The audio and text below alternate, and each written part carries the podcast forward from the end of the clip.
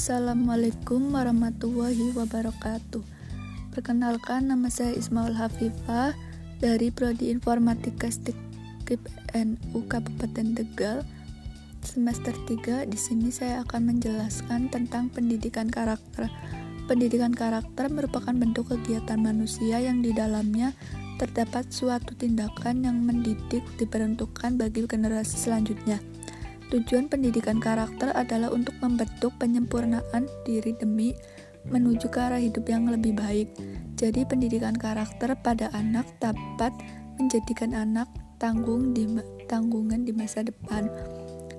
Pendidikan karakter juga dapat dikatakan sebagai usaha manusia secara sadar dan terencana dalam hal mendidik sekaligus memberdayakan peserta didik dengan tujuan membangun karakter pribadi peserta didik. Menurut Johan Wesantro, pendidikan karakter merupakan pendidikan dengan pendekatan langsung pada peserta didik dengan tujuan menanamkan nilai normal sehingga dapat mencegah perilaku yang dilarang. Fungsi pendidikan karakter yaitu satu mengembangkan potensi dasar manusia agar menjadi individu yang berhati, berpikiran, dan berperilaku baik. Yang kedua itu membangun dan memperkuat perilaku masyarakat dalam hal ini masyarakat Indonesia yang multikultural. Dan yang ketiga itu membangun dan meningkatkan peradaban bangsa. Di Indonesia sendiri dalam nawacita disebutkan bahwa pemerintah akan melakukan revolusi karakter bangsa karenanya Kementerian Pendidikan dan Kebudayaan yaitu Kemdikbud mengalahkan gerakan penguatan pendidikan karakter atau PKK sejak 2016 silam.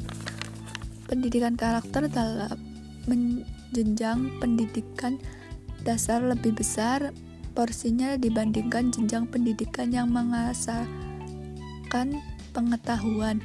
Nilai yang diperoleh dari pendidikan karakter sesuai dengan dasar negara kita Pancasila ada lima karakter utama yang merupakan fokus pengembangan gerakan PKK yaitu satu religius. Karakter pertama yang berhubungan dengan iman kepada Tuhan Yang Maha Esa ini diwujudkan dalam pelaksanaan ajaran agama dan kepercayaan yang dianut, menghargai perbedaan agama, menjunjung tinggi toleransi terhadap pelaksanaan ajaran agama dan kepercayaan yang berbeda, juga hidup rukun dan damai dengan pemeluk agama lain.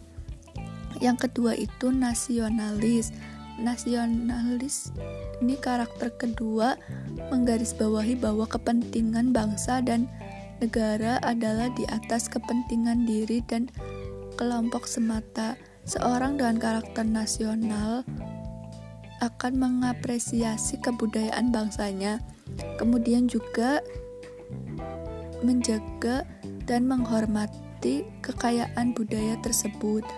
Yang ketiga ini integritas. Integritas itu karakter ketiga adalah nilai yang berdasar pada usaha seseorang memperbaiki dirinya agar dapat menjadi orang yang dapat dipercaya dalam perkataan, tindakan, dan pekerjaannya. Di samping itu, seseorang dengan karakter ini juga memiliki komitmen serta kesetiaan terhadap nilai-nilai kemanusiaan dan juga moral. Kamu dapat menunjukkan karakter integritas dalam dirimu dengan cara menunjukkan tanggung jawab sebagai warga negara aktif terlibat kegiatan sosial menghargai martabat orang lain dan menunjukkan keteladanan. Dan yang keempat ini mandiri. Karakter keempat menunjukkan sikap tidak bergantung kepada orang lain Ketidaktergantungan ini dimaksudkan dalam mengarahkan tenaga pikiran dan waktu sendiri demi mewujudkan cita-cita. Jika kamu memiliki karakter mandiri, berarti kamu memiliki etos kerja yang baik, ketangguhan, daya juang, profesionalitas, dan kreativitas, kreativitas dan keberanian. Dan yang ke lima ini gotong royong, karakter terakhir terlihat dari sikap menghargai semangat kerja sama dan bahu-membahu dalam menyelesaikan masalah bersama menjalin komunikasi dan persahabatan serta memberi pertolongan bagi orang yang membutuhkan. Kalau kamu menghargai orang lain dapat bekerja sama dengan rasa empati sekaligus solidaritas serta anti pada diskriminasi, maka kamu punya karakter ini. Baik dan saya juga akan membacakan pengertian pendidikan karakter menurut para ahli. Menurut Samani dan Arianto, pendidikan karakter adalah proses pemberian tuntunan kepada peserta didik untuk menjadi manusia seutuhnya yang berkarakter dalam dimensi hati, pikir, raga, serta rasa dan kerasa. Dan yang kedua, menurut Wibowo, pendidikan karakter adalah suatu pendidikan yang digunakan untuk menanamkan dan mengembangkan karakter pada peserta didik sehingga mereka memiliki karakter yang luhur setelah memiliki maka dapat menerapkannya dalam kehidupan sehari-hari baik di rumah, di sekolah maupun di masyarakat. Dan yang ketiga ini menurut Salahuddin dan Al-Krinci. Pendidikan karakter dapat dimaknai sebagai pendidikan moral atau budi pekerti untuk mengembangkan kemampuan seseorang untuk berperilaku yang baik dalam kehidupan sehari-harinya. Dan ini menurut Subaidi, pendidikan karakter ialah segala perencanaan usaha yang dilakukan oleh guru yang dapat mempengaruhi pembentukan karakter peserta didik, memahami bentuk dan memupuk nilai etika secara keseluruhan. Dan menurut Muhammad, aset pendidikan karakter merupakan suatu sistem dalam penanaman nilai karakter yang baik kepada seluruh warga sekolah sehingga memiliki pengetahuan dan tindakan yang sesuai dengan nilai kebaikan. Dan menurut Ratna Megawangi, pendidikan karakter adalah sebuah usaha untuk mendidik anak-anak agar dapat mengambil keputusan yang bijak dan mempraktikkan dalam kehidupan sehari-hari sehingga mereka dapat memberikan kontribusi yang positif kepada lingkungannya. Dan yang menurut Susnani yaitu proses pemberian tuntunan peserta atau anak didik agar menjadi manusia seutuhnya yang berkarakter dalam dimensi hati, pikiran, raga, serta karsa dan karya. Peserta didik diharapkan memiliki karakter yang baik, meliputi kejujuran, tanggung jawab, cerdas, bersih dan sehat, peduli dan kreatif. Dan di sini ada sistem pendidikan karakter.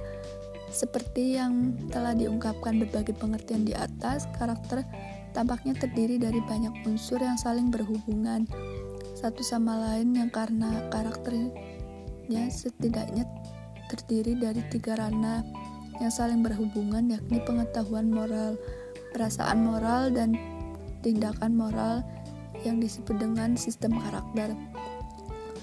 Dan ini satu pengetahuan moral, pattern moral adalah kemampuan individu untuk mengetahui, memahami, mempertimbangkan, membedakan, menginterpretasikan macam-macam moral, yang harus diterapkan dan yang harus ditanggalkan. Pengetahuan moral terdiri dari enam komponen yaitu satu kesadaran moral merupakan kesadaran untuk memperhatikan dan melaksanakan moral yang ada di sekitarnya. Kedua itu pengetahuan nilai moral, kemampuan untuk memahami nilai moral dalam berbagai situasi.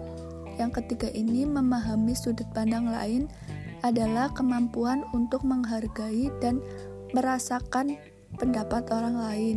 Dan yang keempat ini penalaran moral, kemampuan untuk memahami, mempertimbangkan dan membedakan makna bermoral. Dan yang kelima ini keberanian mengambil keputusan, yaitu kemampuan untuk tidak ragu menentukan pilihan yang tepat saat mengalami dilema moral. Dan yang keenam ini pengenalan diri mampu mengetahui dan memahami perilaku sendiri serta dapat mengevaluasinya dengan jujur. Yang kedua ini perasaan moral. Perasaan moral adalah kemampuan untuk merasa harus selalu melakukan tindakan moral yang sesuai dengan norma dan merasa bersalah jika melakukan perbuatan yang tidak sesuai dengan norma atau perbuatan jahat. Perasaan ini juga terdiri dari enam komponen, yaitu satu mendengarkan hati nurani, yaitu perasaan moral naf mendorong seseorang untuk melakukan tindakan sesuai dengan hati nurani dalam sisi kognitif dan sisi emosional. Sepintar-pintarnya manusia, kelebihannya adalah tetap mempertahankan emosi dan tidak buta terhadap sesuatu yang objektif jika dibandingkan dengan kecerdasan buatan. Yang kedua ini harga diri, yakni memiliki kesadaran untuk menjaga harkat dan martabat berdasarkan nilai yang luhur. Yang ketiga ini empati, memiliki kepekaan mampu turut merasakan penderitaan orang lain. Yang keempat ini cinta kebaikan, kemampuan untuk merasa suka dan senang ketika melakukan kebijakan. Yang kelima ini kontrol diri, kemampuan untuk mengendalikan emosi berlebihan baik saat marah ataupun terlalu senang. Yang keenam ini rendah hati, berarti tidak merasakan rasa keunggulan yang berlebihan dapat tetap terbuka terhadap perbaikan kesalahan dan mengatasi rasa sombong namun tetap percaya diri. Yang ketiga ini tindakan moral mampu bergerak dan melakukan tindakan nyata moral yang sesuai dengan norma sehingga mencegah perbuatan yang tidak sesuai dengan norma kebaikan lingkungan. Tindakan moral terdiri menjadi tiga komponen yaitu satu kompetensi merupakan kemampuan untuk mengubah perasaan moral menjadi tindakan moral yang efektif.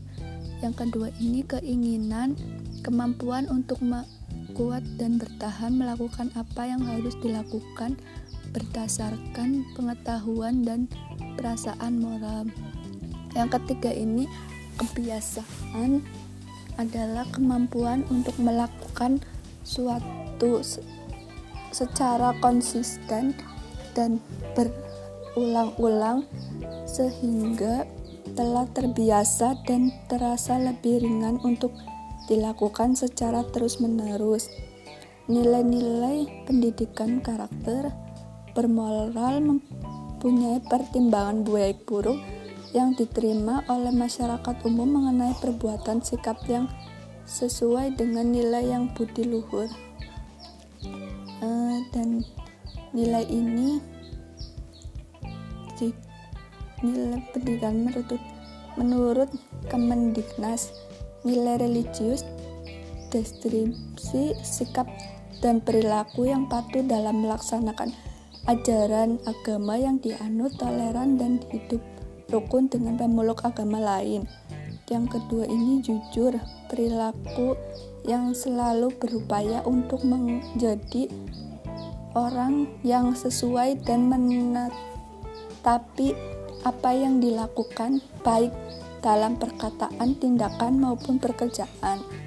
Yang ketiga ini toleransi, sikap dan perilaku yang menghargai perbedaan ras, agama, etnis, pendapatan tindakan yang berbeda dan yang keenam ini keempat disiplin tindakan yang berperilaku tertib dan patuh tidak tentu dan peraturan yang berlaku dan selanjutnya kerja keras perilaku yang menunjukkan upaya sesungguh-sungguh dalam mengatasi hambatan belajar dan tugas serta menyelesaikan dengan sebaik-baiknya.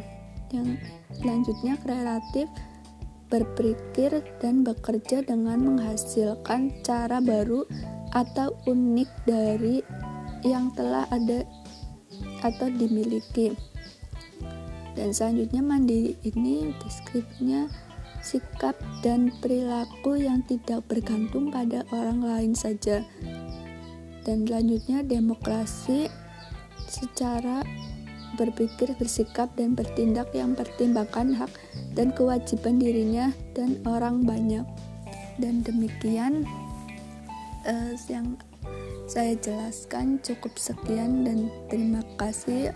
Apabila ada salah kata atau ucapan mohon maaf sebesar-besarnya. Wassalamualaikum warahmatullahi wabarakatuh